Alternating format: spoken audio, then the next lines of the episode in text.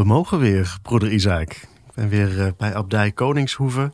Uh, thema is deze keer delen. waarom is dat belangrijk voor u, voor de abdij, voor deze kloostergemeenschap? Het genetisch materiaal van een monnik is al opgebouwd uit delen, bij wijze van spreken. Dus in ons, ons, ons, in ons DNA zit gewoon iets van... Ja, niets behoort ons toe heel praktisch leggen wij een gelofte van armoede af. En dan hebben we nog twee geloftes, maar daar zullen we het verder niet over hebben.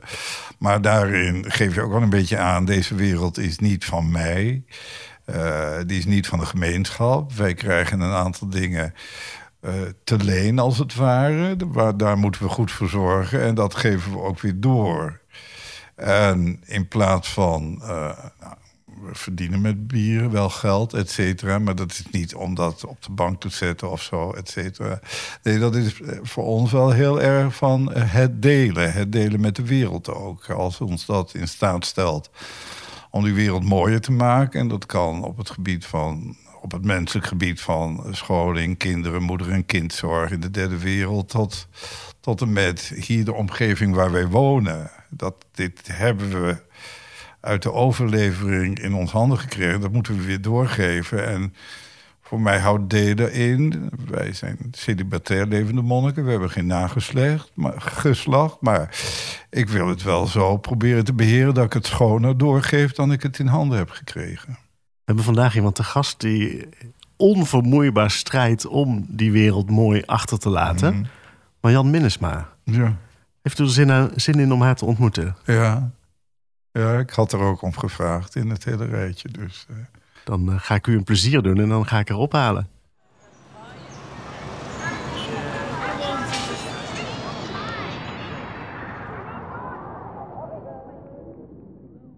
De stilte. Pas als je er echt tijd voor neemt, kun je het ervaren. Ervan genieten. Het proeven. Het proeven? Jazeker, het proeven. Maar hoe doe je dat? Daar ga ik in deze podcastserie naar op zoek. Samen met broeder Isaac van Abdij de Koningshoeve spreek ik met inspirerende gasten over het belang van stilte en het genieten van een bewust en aandachtig leven. Mijn naam is Oscar Kokke en dit is Proef de Stilte.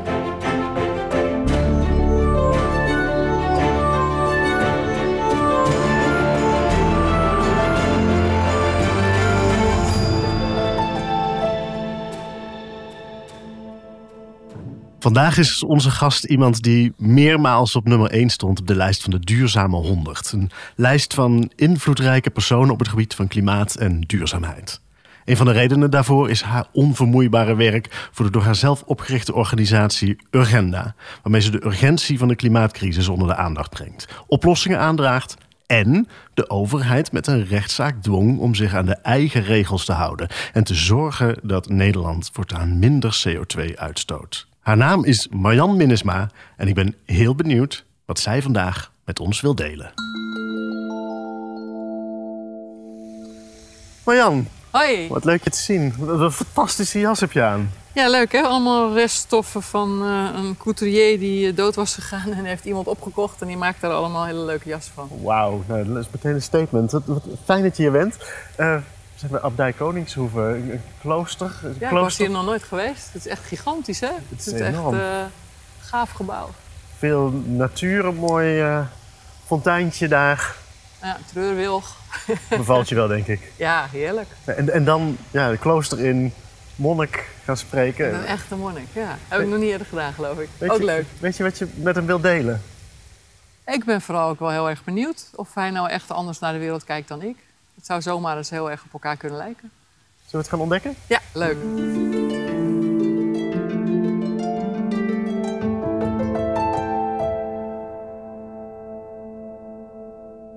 Marjan, welkom.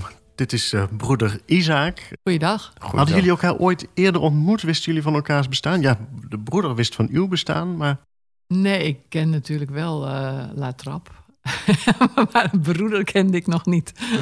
ik wist wel dat hier broeders zaten, maar uh, ik wist niet welke en ook niet hoeveel. En, en u wist dan van Latrap vermoedelijk ook dat ze zich flink inzetten voor duurzaamheid. Dat zou misschien uw interesse hebben gehad. Nou ja, ik ken het primair van bier, maar ik wist wel dat het uh, duurzaam uh, bier was. Dus, maar de details ken ik helemaal niet, dus ik ben ook heel benieuwd. Ja, nou ja, wie weet komt dat ook nog uh, hier ter sprake. Duurzaamheid is een thema wat ter sprake komt. delen is het thema van deze aflevering. En bij delen denk ik aan rentmeesterschap, aan de aarde een beetje jovel doorgeven naar een volgende generatie. Wat uh, is de opvatting daarover? Zijn we goed bezig als samenleving? Nee, als ik nou heel recht voor zijn raap zet, nee. Uh, duurzaamheid wordt wel gedefinieerd als de aarde niet slechter doorgeeft dan je hem zelf hebt gekregen van je ouders. Dat doen wij niet goed. Mijn kinderen gaan echt een uh, minder goede aarde krijgen dan ik in 1966 van mijn ouders heb gekregen. Maar ik zet me wel voor 100% in om te zorgen dat we het zo goed mogelijk achterlaten. Uh, maar de menselijke soort is heel erg invasief en uh, enorm vervuilend. En denkt dat hij zich van alles kan veroorloven. Laat heel veel soorten uitsterven. Uh, nou, ik kan er niet heel veel moois van maken. Is, ik denk wel dat we, de, dat we het heel veel beter kunnen doen. Maar we hebben het afgelopen 50 jaar heel slecht gedaan. En die drive, was die er als klein meisje al? Is dat iets wat in één keer ontstond? Een ontwaken? Nee, als klein kind vertaal je dat natuurlijk anders. Hè? Dus ik was heel erg bezig met de bloemetjes en de bijtjes. Ik redde de bij van het fietspad. En uh, ik ging met mijn opa, die was boer, het land in. En ik vertaalde dat als ik wil dierenarts worden. En ik had op mijn kamer posters van tijgers en zielige zeehondjes. en dat soort dingen. Dus ik denk dat je het als kind heel erg vertaalt naar natuur. En pas als je gaat studeren, dan leer je moeilijke woorden als duurzaamheid en milieu en zo. Zo vertaal je het als kind niet. Maar ik was wel altijd bezig met uh, proberen te behouden wat we hebben. En ik was heel boos als er weer een weiland vol werd gebouwd met huizen. En over het algemeen werd het daar in mijn ogen niet mooier van. Hoe was dat voor u, broeder Isaac? Ik weet dat voor u duurzaamheid ook heel belangrijk is. Is dat ook iets wat van kinds af aan al in u sluimerde? Nou, ergens denk ik wel, ik heb het al een keer genoemd, het moet wel ergens in je genetisch materiaal zitten om daarvoor warm te lopen. Ik heb veel, voordat ik intrad in het klooster, uh, ben ik buiten gaat geweest. Dus ik heb ook een tijd in de Sahel gewoond. En uh, daar heb ik ook toch wel de verschijnselen gezien dat zo'n woestijn dus uh, jaarlijks oprukt. En dat gaat niet over centimeters, het gaat niet over meters, het gaat over kilometers. Dus, en aan de andere kant is mijn levendige ervaring ook nog wel geweest. Goh, daar gebeuren nog een aantal dingen die wij in Nederland al lang verstierd hebben. Dus, dus uh, laten we één, zorgen dat het daar op de een of andere manier nog beter behoed wordt. En laten we ook leren van de dingen die daar nog op een manier gaan waarvan ik denk, ja, het evenwicht is er nog wel. Dus we hebben op dit moment ook een Oegandese jongen hier uh, een project aan het ontwikkelen in de waterzuivering. Met kennis die hij daar heeft opgebouwd. En waarop hij nu promoveert hier aan de TU Delft. En dat vind ik waanzinnig interessant, dat het van beide kanten aan het komen is. Ook een vorm van delen, denk ik, die kennis delen. Maar waarin mevrouw Minnesma, of mag ik Marjan zeggen? Ja, dat mag van mij. uh, waar Marjan dus zegt, ja, ik ben er best somber over hoe ik het aan mijn kinderen... Uh... Oh, we zijn in ieder geval nu niet goed bezig. Nee, ik probeer natuurlijk uit alle macht ja. te draaien. Maar maakt dat je niet juist strijdbaarder? Nou ja, zoals je ziet zit ik hier niet depressief tegenover je. dus mijn natuurlijke neiging is om te kijken van wat, wat kunnen we er tegen doen. Ja. Uh, dus ja, in die zin heel strijdbaar. Want uh, ja, wij zijn een wezen met 1% meer DNA dan een aap. Waarom gebruiken we het niet? We willen dan zo nodig naar Mars, maar deze aarde is toch veel mooier. Waarom gebruiken we al die technologie en ideeën om naar Mars te gaan, niet om het hier mooi te maken?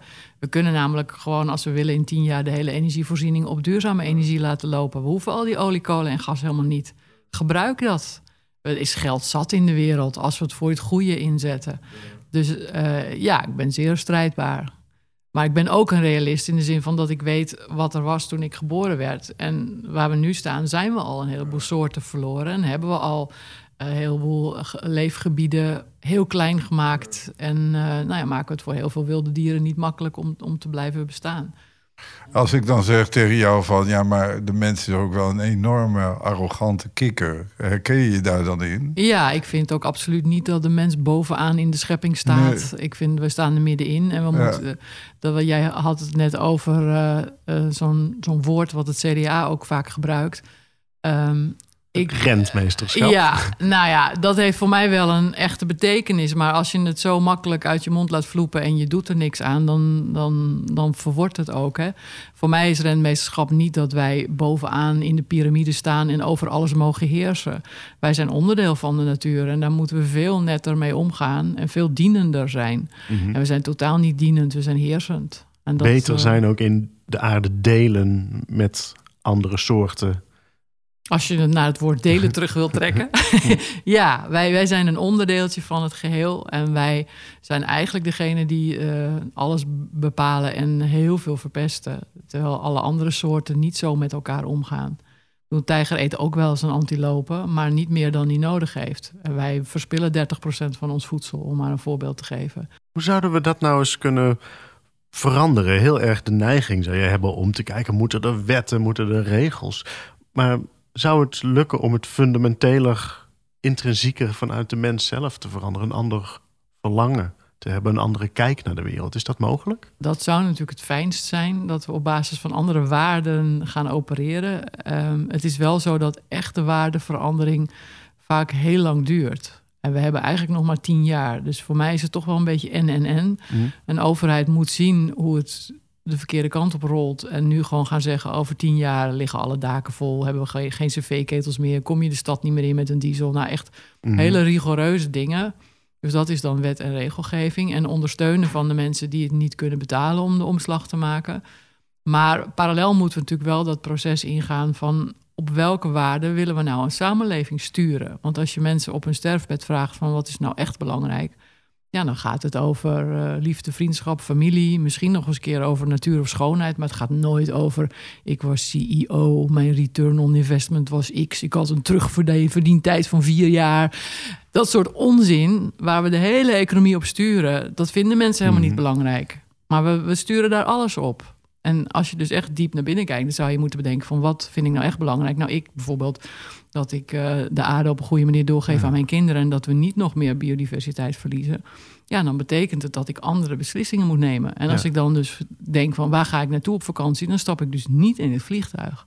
Maar consequenties verbinden aan je, uh, aan je waarde, dat is wat heel veel mensen niet doen. Die zijn heel schizofreen. Ja, ik ben voor duurzaamheid, maar ik wil wel vijf keer per jaar in het vliegtuig. Ja, dat kan gewoon niet. Maar je zegt eigenlijk, die intrinsieke motivatie die ligt al wel klaar in de mens. Uh, het voorbeeld wat je van sterfbed geeft, wat, wat, wat vinden mensen belangrijk? Het ligt wel klaar, we handelen daar onvoldoende naar. Maar als je nou die begint met de regels veranderen. Ik moet denken, misschien krijg je dan wel eenzelfde soort systeem als uh, ooit rookten we in de trein vonden we heel normaal. Toen werd het afgeschaft. Nou, nou, nou, regels van boven. En inmiddels is er natuurlijk geen mens meer die denkt, rookten we maar in de trein. Sterker nog, nu vinden we dat een vies idee. Dus misschien moet je soms eerst regels hebben om een mixje, want ik zie dat de jongeren weer heel veel meer roken. Als ik mijn kinderen zie, op de, die zijn aan het studeren, heel veel gerookt. En valt mij heel erg tegen. Mhm. Ehm, dus het is altijd een combinatie. Je moet ook door kennis gevoed weten waarom het niet zo'n goed idee is. Ehm, maar het helpt soms wel om ergens palen en perk aan te stellen, ja. ja. Maar ik mis daar toch een ding in. Hè? Misschien herken je dat. Ik krijg het niet bij de mensen hier tussen de oren. En ik zie wel dat de overheid een aantal voorwaarden scheppende zaken moet, moet, moet, moet doen. Maar dat de individuele mens daarin meegaat. En dan kom ik altijd maar weer met mijn mijn emmertje water onder de douche wat ik overhoud... waar ik het toilet weer mee doorspeel. Dat is natuurlijk... Het zet geen zoden aan de dijk, maar 17 miljoen Nederlanders, als die het zouden doen, dan zet het. En je komt in Soudaan of Somalië, dan maakt het wel het verschil. Dus ik worstel heel erg, hoe krijg je het hier bij de mensen? Nou ja, ik hou zelf vrij veel lezingen en dan begin ik toch een derde van mijn verhaal met die urgentie. Omdat ik denk dat je wel echt even serieus wakker geschud moet worden voordat je bereid bent om je gedrag te veranderen. En als je, want heel veel mensen weten wel iets van klimaatverandering, maar niet echt. Ja. En op het moment dat je echt wakker wordt geschud, dan wordt het daarna moeilijker om door te denderen. Ik denk dat het ook wel iets te maken heeft met leeftijd. Want als je bij pubers probeert te zeggen van... joh, heb je nou alweer een nieuw blouseje nodig? Dan eh, is het van, ja, maar dat u nou met dingen van 50 jaar oud loopt.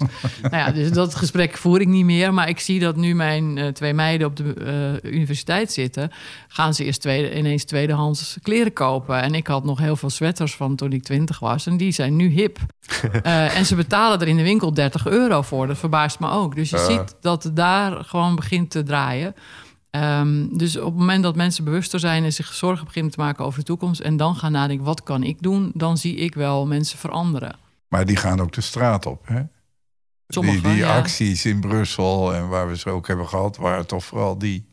die Sommige, die, die, niet alle jongeren, maar. Nee, goed. Vijf maar, jongeren, ja. Maar daar, daar zag ik niet veel ouderen tussen lopen. Oh, daarna zijn er klimaatmarsen geweest van jong en oud. En, en daar zijn toen een keer 40.000 mensen op straat gekomen. En dat was heel erg een mix. Dat was wel mooi om te zien. Dat eindelijk jong en oud uh, mengden. Maar die jongeren die deden die Fridays for Future, dus om op vrijdag te staken. Dat zijn wel vooral jonge mensen over de hele wereld uh, die dat doen. Wat doet uh, La aan duurzaamheid? Nou, we hebben bijvoorbeeld, dat vind ik heel grappig. We hebben in de kerk in een bepaalde jaargetijden heel veel lieve heersbeestjes. En er zal bij ons nooit iemand van ding dood, doodslaan. Nee, die wordt heel voorzichtig op de grond weer gezet dat hij verder kan lopen. Dus dat, dat vind ik dan wel heel grappig. Nou, wat betreft die wormen, wij doen niets meer aan, aan, aan chemische onkruidbestrijding. Uh, ik ben me heel erg bewust dat die, die, die, die die bomen hier, dat hele domein, dat geeft veel meer zuurstof dan wij uh, zomaar op kunnen hoesten. Maar wat ik me het meest bewust ben geworden voor wat betreft die brouwerij, en dan komen we toch bij het bier uit, dat je dus zo ziet wat de invloed is van een industrieel bedrijf in de natuur. Je ziet directe effecten. En dat is voor mij wel een schok geweest. Als je ziet hoe het leven in de sloten rondom de abdij veranderde.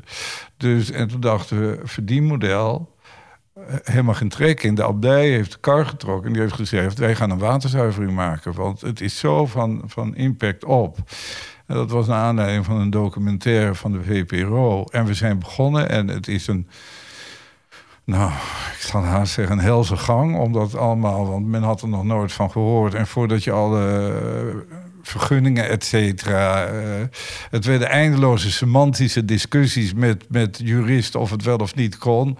Maar we hebben het gered. En in ieder geval, al het afvalwater mag nou op het trein blijven. Dus we zijn bezig met een stukje verdrogen. Maar stip op de horizon wil ik toch dat we naar drinkbaar water gaan komen. En dan zal een rioolbiertje niet lekker bekken, maar uh, het moet wel kunnen. En dit is een waterzuivering op een, op, een, op een kleine schaal, waarvan ik denk, die zou je aan het eind van de straat ook kunnen maken. Waardoor je denkt, de hele buurt kun je daar actief bij inschakelen. Waardoor ze ook zelf zien hoe een eigen manier van handelen. Hoe klinkt dit? Ja, goed. Ik weet dat bierbrouwen gebeurt met heel veel water, wat vaak wordt onttrokken en niet terugvloeit. En ja, dan ben je toch langzaam op termijn uh, niet de goede dingen aan doen. Ik weet ook wel dat een andere grote bierbrouwer ook heel erg bezig is met de omgeving en uh, duurzaam gerst en hop en uh, circulaire landbouw probeert te helpen. Uh, maar ja, blijft staan dat er vaak heel veel water ontrokken wordt. En ja, dat kunnen we ons met klimaatverandering straks helemaal niet meer veroorloven. Dus je moet dat circulair gaan maken. En je kunt water heel goed met natuurlijke systemen zuiveren. dat gebeurt op kleine schaal bij woningen ook wel en op woonboten. Ja, als je het dan weer terug kunt leiden naar je productieproces, dan. Uh, het is luiheid hoor, dat we die doen. Want wij hebben nu, ik geloof, acht. Uh 8,5 liter nodig voor een liter bier. Eh, we hebben de taak gesteld, moet terug naar 6,5 liter. Maar het afvalwater wat we nu produceren, wat op het domein mag blijven, kun je op de een of andere manier weer in de grond filtreren. Waardoor door de, de grondlaag weer opnieuw gezuiverd gaat worden. En toe kan stromen naar het bronwater wat we gebruiken om bier te brouwen. Dus die circulariteit die is eruit te krijgen. En dat kost wat. En dat is hetzelfde met het slip wat we nu winnen. Ja, daar is uh, gas van te maken. Dus daarvoor is die Oegandese jongen nou dan op dit moment ook hier bezig om dat te ontwikkelen. En ja, dat is heel fascinerend. Over Oeganda gesproken. Ja. Ik heb hier een biertje voor, de, voor mijn neus. Uh, La Trappe Isidore. Ja. Wat, uh, wat is dat voor biertje? Dat is mijn grote liefde, terwijl ik geen bier drink. uh, Isidor is ontstaan uh, toen de brouwerij, wat was het, 125 jaar bestond. moest, nou, normaal maak je als brouwerij dan een feestbiertje. Maar ik was zelf op dat moment in Kenia en daar liepen de verkiezingen enorm uit de hand. De, de moordpartijen, et cetera gewoon allerlei stammenkwesties weer mee te spelen. Dus wij hebben moeten vluchten met de broeders naar Oeganda toe. Alles achter moeten laten. ik had nog nooit in een oorlogsgebied gebied gewerkt. En, en nou, daar zat ik opeens middenin. En om uh, een nieuw klooster te gaan bouwen in Oeganda, uh, hebben wij toen de, de, de inkomsten van Isidor aangewend om te gaan bouwen. En dat hebben we breder getrokken, want Isidor blijft aan Oeganda gekoppeld. Ik dacht, als we nou een heel mooi klooster in Oeganda gaan bouwen... Dat, ja, dat staat in de Bijbel eigenlijk ook niet. Daar staat eigenlijk van, God die vond het wel goed in die tent. Dus uh, uh, er hoeft helemaal niet... Dus ik dacht, als de buurvrouw nou in een leme hutje woont, dan doen we... Dus met Isidor zijn we doorgegaan. En onder andere een deel van de inkomsten en ook van de kaasmakerij... Daar hebben we nu net een, een, een high school mee afgerond, de bouw van een high school. Ik dacht, eh, ons die kan het nog wel even wat langer in die tent uithouden. Uh, die kinderen moeten naar school. En nu staat die kerk er ook wel, maar die school is er in ieder geval. En het kliniekje voor moeder- en kindzorg hebben we ook opgeknapt. Ik vind dat toch ook processen die met elkaar te maken hebben. Smaakt die ook lekker?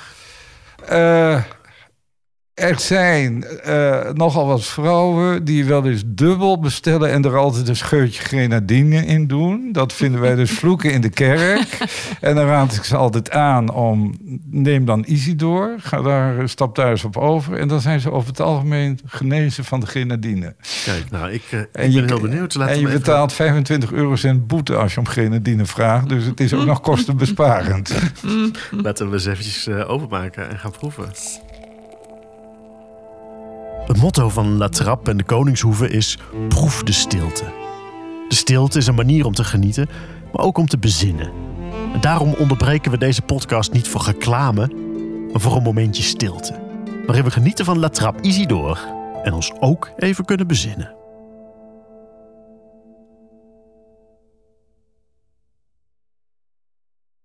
We hebben de stilte geproefd. We zijn even stil geweest.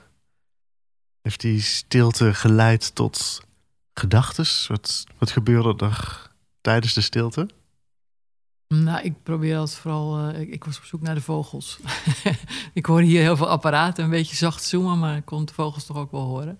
Het is natuurlijk te kort om uh, echt helemaal eruit te stappen. Dan je hoofd blijft toch wel doorlopen. Ik speel hobo in een symfonieorkest en voor mij is dat een beste manier om uit te gaan. Dus dat is niet stil, maar wel een goede manier om uh, niet te denken aan werk of allerlei andere dingen. Want ik weet dat kijk, deze strijd voor een uh, ja, klimaatcrisis tegen te gaan, dat is hartstikke belangrijk en het kost ook hartstikke veel tijd. Volgens mij zit je agenda overvol. Pak je wel eens momenten van stilte? Nou, voor mij is zo'n autoritje bijvoorbeeld uh, meditatief. En nou ja, ik hou heel erg van de stilte. Dus als het enigszins kan, dan heb ik het graag stil. Maar ik heb wel een man die altijd blaadjes opzet. Dus dat, dan is het wat moeilijk. Dus ik vind het ook lekker om thuis in de tuin te werken. En gewoon fijn in de stilte. Dus ik hou wel van de stilte. Um, maar zo autorijden vind ik ook altijd wel... En, dan komen er allemaal ideeën op die je niet van tevoren hebt verzonnen. Dus voor mij is dat ook wel de plek waar ik veel uh, nou, denk oh, dat kunnen we ook nog doen. En nou ja, dat komt dan... Dat daalt dan neer. Is dat ook de functie van stilte? Ik weet dat voor deze abdij stilte belangrijk is. Ja, maar we moeten er steeds harder voor vechten om hem, uh, om hem er te laten zijn. Dus uh, klinkt een beetje gek, maar uh, het liefst begin ik een dag dat ik kaas maak, want dan begin ik om twee uur. Dan ga ik pasteuriseren. En dan is het echt stil. Dan die brouwerij begint om zes uur. Dus dan heb ik een paar uur. En dat wissel ik dan af met de eerste gebedstijd, waar het nog echt stil is, waar je hoofd nog leeg is. Terwijl in het avondgebed merk ik gewoon dat vaak, ik zit mijn agenda af te werken. Heb ik dat gedaan, heb ik zus gedaan. Dus ik heb echt die ochtendstilte en dat, dat, dat, dat, ook dat half uur in het nachtbed dat wij ook eh, stil, dan gaat het licht uit. En dat, dat heb ik wel echt nodig om, om die connectie met de stilte te blijven houden. Maar ik, vind wel dat we ervoor moeten vechten. Die stad rukte op. Uh, de interesse in zo'n abdij, in zo'n proeflokaal. Ik vind het ook eigenlijk een beetje te veel allemaal. Dus ik zat nu net in die paar seconden stilte die jij ons gunde te bedenken van jongens, ja, wij hebben proefde stilte, maar we hebben ook een biernet geproduceerd van Practice What You Preach. En doen we het eigenlijk nog wel? Want ik omschrijf zelf ergens, uh, proef de stilte, is voor mij ook wel een, een, een, een, een blad in de herfst naar beneden kunnen horen dwarrelen. En het, het, de verkeersbewegingen zijn zo toegenomen dat wat ik vind dat de core business, en dat is geen bierbrouwen, dat is, dat is het, monastieke leven, komt er wel door weer in gedrang. En dus ik zat in die 20 seconden eventjes te denken: Esther, maandagochtend gaan wij bespreken dat die logistieke bewegingen anders moeten en achterom, zodat en het proeflokaal en de monniken weer meer rust krijgen. Kijk, staat gelijk genoteerd voor op de agenda. Ja. Dat, dat was wel heel fijn aan dat begin van corona 2020. Ja echt stil en de blauwe lucht was echt blauw. Echt, er daalde ook echt gewoon een, een, enorme stilte over het land voor mijn gevoel. Ik vond het helemaal niet erg dat ik toen het land niet rond hoefde te reizen. Ik zat lekker in de tuin, het was toen heel mooi weer in dat voorjaar. En dat was echt stil. Dat is echt anders dan nu. En dat leidde bij veel mensen ook tot bezinning. Ik, eh, volgens mij genoten heel veel mensen er enorm van. Ja, een besef dat het leven ook allemaal wat dichter bij huis kan dat inderdaad die snelwegen niet chockvol auto's hoeven te staan. Ja, en heel veel mensen zijn gaan wandelen en allerlei andere dingen gaan doen die ze normaal niet deden. Ik denk dat wel heel veel mensen hebben genoten van iets anders. En hebben kunnen zien dat het dichterbij ook best iets te halen valt. En toch? Toch is het niet bestendig. Ik zou zeggen, ja. nou, we, we, reizen wel iets minder, maar heel veel mensen hebben na twee jaar wel eens... en nu willen we weer de hort op. Ja. Dit zou somber kunnen stemmen. Ik, ik dacht ook, in die stilte, je beschrijft het als ook het moment dat ik even dicht bij mezelf weer, weer kom, even kan luisteren. Uh, neemt dan de onrust en de somberte het, uh, de overhand, of toch de hoop en de strijdbaarheid? Eh, het hangt misschien een beetje van het uh, tijdstip af. Ik, ik uh, ben vaak niet voor drie uur in bed. dus als ik zeg maar om twee uur s'nachts uit het raam kijk, dan kan ik wel eens denken van jee, wat maakt de mensen er een rotzooitje van? Uh, maar als het dag is, dan ben ik toch meer bezig van en hoe gaan we zorgen dat we het draaien. Mm Dus het wisselt. Het wisselt, het wisselt. Dus je doet met dit, dit werk heel veel goeds voor de aarde, denk ik. Goeds voor de mensheid. Ik vroeg me bij het voorbereiden van deze, deze aflevering af, als we het hebben over het thema delen, bestaat altruïsme eigenlijk wel? iets puur voor een ander doen. Ja, ik heb filosofie gestudeerd, dus hier trek je wat over je heen. dat is een discussie waar de geleerden het niet over, over eens zijn. Ik, ik meen van wel. Maar je kunt natuurlijk net zo lang doorredeneren dat, dat je zegt van ja, ook als je, dan doe je het voor je eigen goede gevoel. Of dan doe je iedereen. Het hangt ook vanaf, denk ik, hoe je in het leven staat. Of je heel argwanend bent van nou, je, het kan niet zijn dat je dit alleen maar doet voor de ander. Dat het is, ook, een uh, verdachtmaking die mensen dan. Ja, je bent al bijna een deugdmens. Dat soort woorden worden dan op je geplakt als je iets uh, schijnbaar doet zonder dat je er een eigen belang bij lijkt te hebben. Mm. En, nou ja, dus je kunt van alles kun je een redenering verzinnen waardoor het toch niet helemaal altruïstisch is. Maar dat is uh, filosofisch geneuzel in mijn ogen.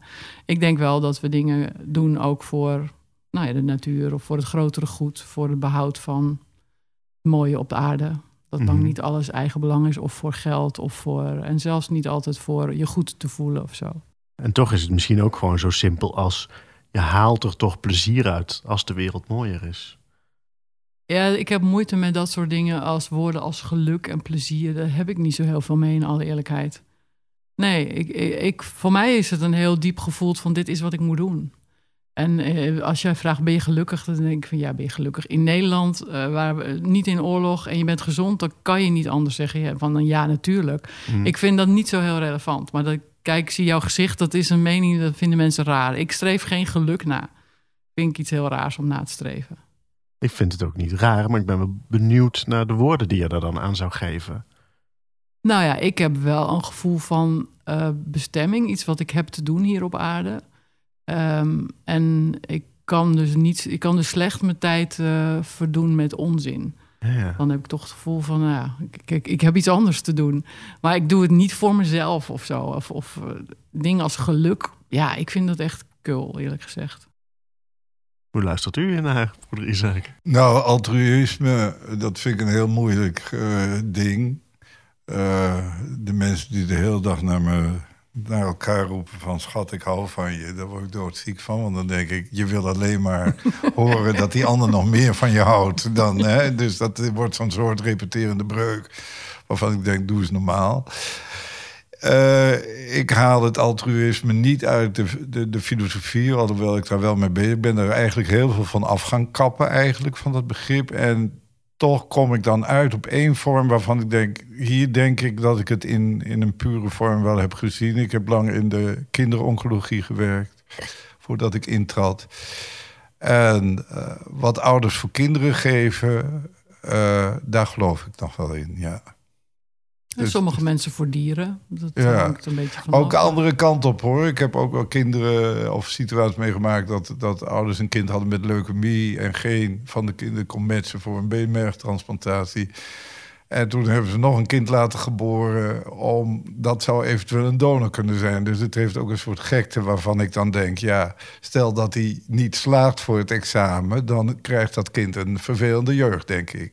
Dus daar zit een negatief. Maar ik heb wel ouders dus helemaal voor hun kinderen laten gaan. En kinderen ook wel andersom, die hun ouders dus in dit soort hele complexe situaties konden beschermen tegen het verdriet. Die dus eerder hun verdriet deelden met de mevrouw die de kamer kwam schoonmaken. Omdat die kwam ook niet met prikken en wij kwamen altijd met prikken en andere dat, soort dingen. En daar hun verdriet mee deelden, maar om hun ouders te beschermen. Dus daar zit een, een soort fijnmazig systeem op waar dan ik gewoon ook wel in wil geloven. Maar in, in de grootheid of... Uh, altruïsme in politiek. Of uh, we hebben nu wat, wat Oekraïense vluchtelingen opgenomen. Maar ja, ik vind het, voor mij geeft het veel meer, en daar herken ik wat Marjan wel zegt ook in die discussie, wat is dan geluk? Nee, er komen dingen op mijn weg. En die moet ik gewoon doen. En van wie? Ja, ik voel daar ook niet God met een vingertje achter staan. Dat moet je doen. Nee, ik wil voor bepaalde dingen... Ik kan die wereld niet redden, maar als er dingen op mijn weg komen... dan wil ik er niet van wegkijken. Als je onrecht ziet, als je ziet dat het niet goed gaat... dan kan je daar niet voor wegkijken. Dan moet je de handschoen oppakken en ervoor strijden. Volgens mij is dat iets wat je ontzettend herkent en ook meevoelt. Uh, toch zijn er heel veel mensen die wel wensen weg te kijken van alle ellende die we op ons pad tegenkomen. De ellende die misschien wel, of nee, niet misschien wel, zeker de aarde staat te wachten. En mensen doen dat met het argument: dan kan ik niet meer genieten. Dan mag ik, ik weet dat je niet zoveel met genieten hebt, maar toch kan je die mensen een beetje geruststellen dat er wel nog te genieten valt als we toch wat harder ons best doen om de klimaat op een opwarming van de aarde een beetje te stoppen? Ja, sowieso uh, is alle veranderingen die, we, die nodig zijn, dat betekent helemaal niet dat je minder kunt genieten. Dan vind ik dat uh, genieten niet zo'n heel goed argument. Maar ik vind dat iedereen het ook een beetje naar draagkracht moet doen. Dus het is niet zo dat ik vind dat iedereen zich overal massaal voor moet. Sommige mensen hebben niet de mentale ruimte om er nog eens iets bij te doen. Of die hebben al heel veel zorg voor een kind en een, en een moeder of weet ik veel wat. Dus iedereen moet dragen wat hij kan dragen. Als die dan, degene die het niet kunnen dragen, dan in ieder geval maar niet de boel versteren. Dus dat ze gewoon geen spaken in het wiel steken. Maar niet iedereen kan maximaal zich inzetten. Maar um, nou ja, ik denk dat we met z'n allen uh, een heel eind kunnen komen. En dat, dat, dat het verduurzamen van de samenleving echt niet betekent dat het daar minder mee wordt. Om het maar even, met zo'n elektrische auto ben je als eerste weg bij het stoplicht. Dus dat is helemaal niet minder. Er reed volgens uh, mij net achter jou niet een, een, elektrische auto. Dat is dan weer jammer. Maar... En ik heb een, elektrisch, een, een energie-neutraal huis. Dus ik heb geen energierekening. Ik heb helemaal geen last van dat gas van Poetin, et cetera. Dus op het moment dat we iedereen helpen om de opslag te maken... en de mensen die geen geld hebben, die moeten we helpen met die investering... Maar een duurzamer leven is dus niet moeilijker of minder leuk of uh, nou ja, al die, die dingen die erop worden geplakt. En kijk, deze jas is allemaal reststukjes. Uh, dus je kan denken van, nou ja, wat een uh, stomme jas. Maar iedereen, de meeste mensen vinden hem wel leuk. Maar dit is allemaal afval eigenlijk. Want dat was anders weggegooid. Dus je kunt ook met afval en met dingen die nu geen waarde hebben, heel mooie dingen maken. Als we het maar gaan zien. Dus we moeten elkaar ook andere dingen laten zien. Er moeten heel veel ogen geopend worden nog. Ik sluit deze afleveringen altijd af met dezelfde vraag. En dat is een vraag die ik een beetje ontleen aan het kloosterleven. Namelijk, uh, gaat over dankbaarheid. Waar zijn we dankbaar voor? Mag ik jou als eerste, Marjan, die vraag stellen? Hele grote vraag. Nou ja, ik ben dankbaar dat we hier nog kunnen leven in een wereld in vrede. En in het klein dat ik uh, gezegend ben met een goede gezondheid en een heleboel energie. Um, ik ben blij met heel veel natuur, daar ben ik ook dankbaar voor. Dus je kan het op allerlei schaalniveaus. Uh, we hebben het eigenlijk heel goed. Broeder Isaac? Ik ben dankbaar dat ik in gemeenschap met anderen leef. Met alle butsen erbij heeft het hele mooie kanten. Ik ben dankbaar dat we recent een Dassenburg hebben gevonden op ons trein. Gelijk ook wilde zwijnen. en opgegroeid. ja, maar de buurman vindt het niet zo leuk. Dus, maar uh, ja, dankbaar in die zin. Bij alles wat er niet goed gaat, ja, kom ik toch heel regelmatig hele mooie mensen op mijn weg. En ik denk dat ik het daar een beetje van moet hebben. Ik bedoel, bij die natuur moet je blijven strijden. En ik weet niet of dat je dat herkent, maar als ik rondloop, kan ik wel eens gek van mezelf worden. Want dan denk ik, dat kan ook nog. En als we dit nou zo doen. En uh, dus met die hele, meer ideeën dan je kan uitvoeren. Meer, ja, dat ik denk, ja, het hangt allemaal met elkaar samen. En dat, uh, maar Goh, ja, dan kom je iemand tegen op je weg wat gewoon een heel mooi mens is. En dat geloven in de, mooie, eh, de, de schoonheid van de mens, dat, dat, dat stemt me heel dankbaar. Ja. Nu volgens mij een uh, fijn bewijs van gezien. Twee mooie mensen tegenover elkaar. Ik dank jullie hartelijk. Je luisterde naar Proef de Stilte. Deze podcast is een productie van Podcast Guru, redactie door Matthijs Franke, montage en mixage Frederik Middelhof, muziek Toon Viera. En deze stem is van Oscar Kokker. Dankjewel voor het luisteren.